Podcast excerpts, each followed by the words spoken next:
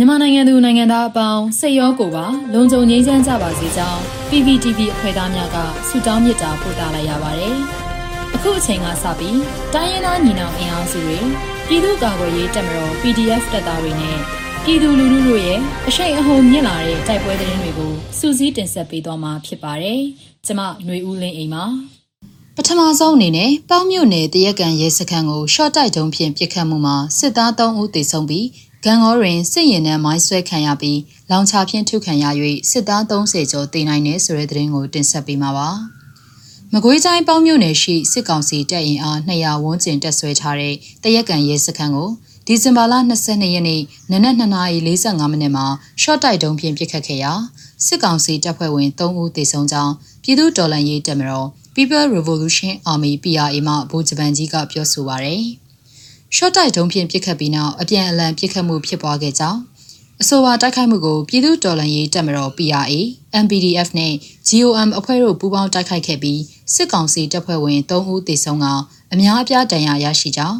တော်လှန်ရေးတပ်ဖွဲ့ဝင်များအားလုံးအထီးကိုက်မရှိပြန်လည်ဆုတ်ခွာနိုင်ခဲ့ကြောင်းသိရှိရတာပါ။ အလားတူမကွေးတိုင်းကြော်မြို့နဲ့ဂံခေါမြို့ကြားပုံညာအစင်းတနေရာတွင်အကြမ်းဖက်စစ်ကောင်စီတပ်ဖွဲ့ဝင်များစီးနင်းလာတဲ့ကား24စီးကိုဒီဇင်ဘာ22ရက်နေ့မွန်းလွဲ2:34မိနစ်မှာမိုင်းရှစ်လုံးလက်လုံလောင်ချ၄ချက်နဲ့ပစ်ခတ်တိုက်ခိုက်ခဲ့ကြောင်း Your Defense Force ကြောကသတင်းထုတ်ပြန်ပါတယ်။အဆိုပါတိုက်ခိုက်မှုတွင်အကြမ်းဖက်စစ်ကောင်စီတပ်ဖွဲ့ဝင်အများအပြားကားပေါ်မှလွင့်ထွက်ပြီး30ဦးကျော်သေဆုံးနိုင်တယ်လို့ထုတ်ပြန်ချက်မှာပါရှိပါတယ်။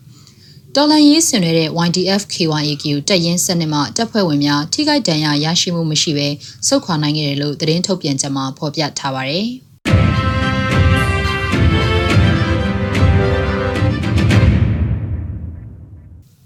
ဆက်လက်ပြီးမုံရအနောက်မြောက်တိုင်းစစ်ဌာနချုပ်ဝင်အဝေးပြေလက်နက်ဖြင့်ပြစ်ခတ်တိုက်ခိုက်ခံရကစစ်သား2ဦးသေဆုံးတဲ့တဲ့ရင်ကိုတင်ဆက်ပေးမှာပါ။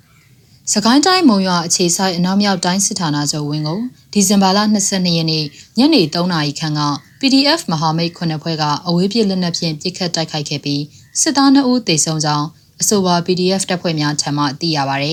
။ရင်းတိုက်ခိုက်မှုဖြစ်စဉ်တွင်နင်ဂျာဘူးတလင်လျှက်စီးဘူးတလင်ဒုံးပြန်ဘူးတလင်3တိုက်ကားဘူးတလင်ရန်ဘလူးဘူးတလင်နဲ့လှော်တက်အင်အားစု126အရာတော့ 0 Fighter တပရင်စတဲ့ PDF မဟာမိတ်ခုနှစ်ဖွဲ့ကပူးပေါင်းတိုက်ခိုက်ခဲ့ခြင်းဖြစ်ကြောင်းထုတ်ပြန်ထားပါတယ်။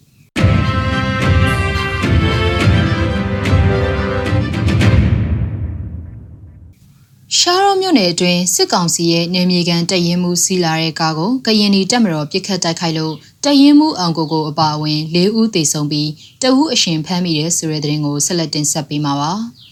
ကယားကရင်ပြည်နယ်ရှားရော့မြို့နယ်နေမြေကန်တရင်မှတရင်မှုစီးလာတဲ့အိမ်စီကားကိုကရင်နီတက်မတော် KE ကဒီဇင်ဘာလ20ရက်နေ့မှာပြစ်ခတ်တိုက်ခိုက်ခဲ့ရာ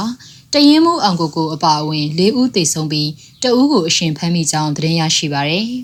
ရှားရော့မြို့နယ်တန်လွင်မြစ်အရှိဘက်ခြမ်းမှာတရင်မှုအောင်ကိုကိုစီးလာတဲ့ကားကို KA ကပြစ်ခတ်တိုက်ခိုက်ခဲ့ရာ၄ဦးသေဆုံးပြီးတဦးအရှင်ဖမ်းမိကလက်နက်များနဲ့အသုံးအဆောင်အချို့ဖမ်းဆီးရမိခဲ့ခြင်းဖြစ်ပါတယ်။ ယခုပြစ်ခတ်တိုက်ခိုက်မှုနဲ့ပတ်သက်ပြီးကရင်နီတပ်မတော်ကတရားဝင်သတင်းထုတ်ပြန်ထားခြင်းမရှိသေးပါဘူး။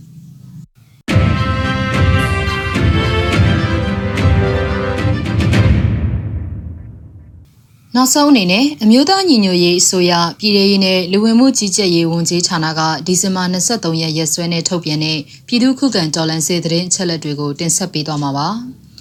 အာနာသိန်းချမ်းဖတ်စေအုပ်စုရဲ့ပြည်သူလူထုအပေါ်အကြမ်းဖက်ဖိနှိပ်ဖန်ဆီးတိုက်ခိုက်တပ်ဖြတ်နေမှုတွေကိုပြည်သူလူထုတရက်လုံးကအသက်ရှင်တန်ရေးအတွက်မိမိကိုယ်ကိုမိမိခုခံကာကွယ်ပိုင်ခွင့်အရာပြည်သူခုခံစစ် People's Defensive War ကိုဆင်နွှဲလျက်ရှိပါတယ်။သတင်းချက်လက်များအရ22ရက်12လ2021ရက်နေ့မှာစစ်ကောင်စီတပ်ဖွဲ့ဝင်59ဦးသေဆုံးပြီးထိခိုက်ဒဏ်ရာရရှိသူ15ဦးအထိခုခံတိုက်ခိုက်နိုင်ခဲ့ပါတယ်။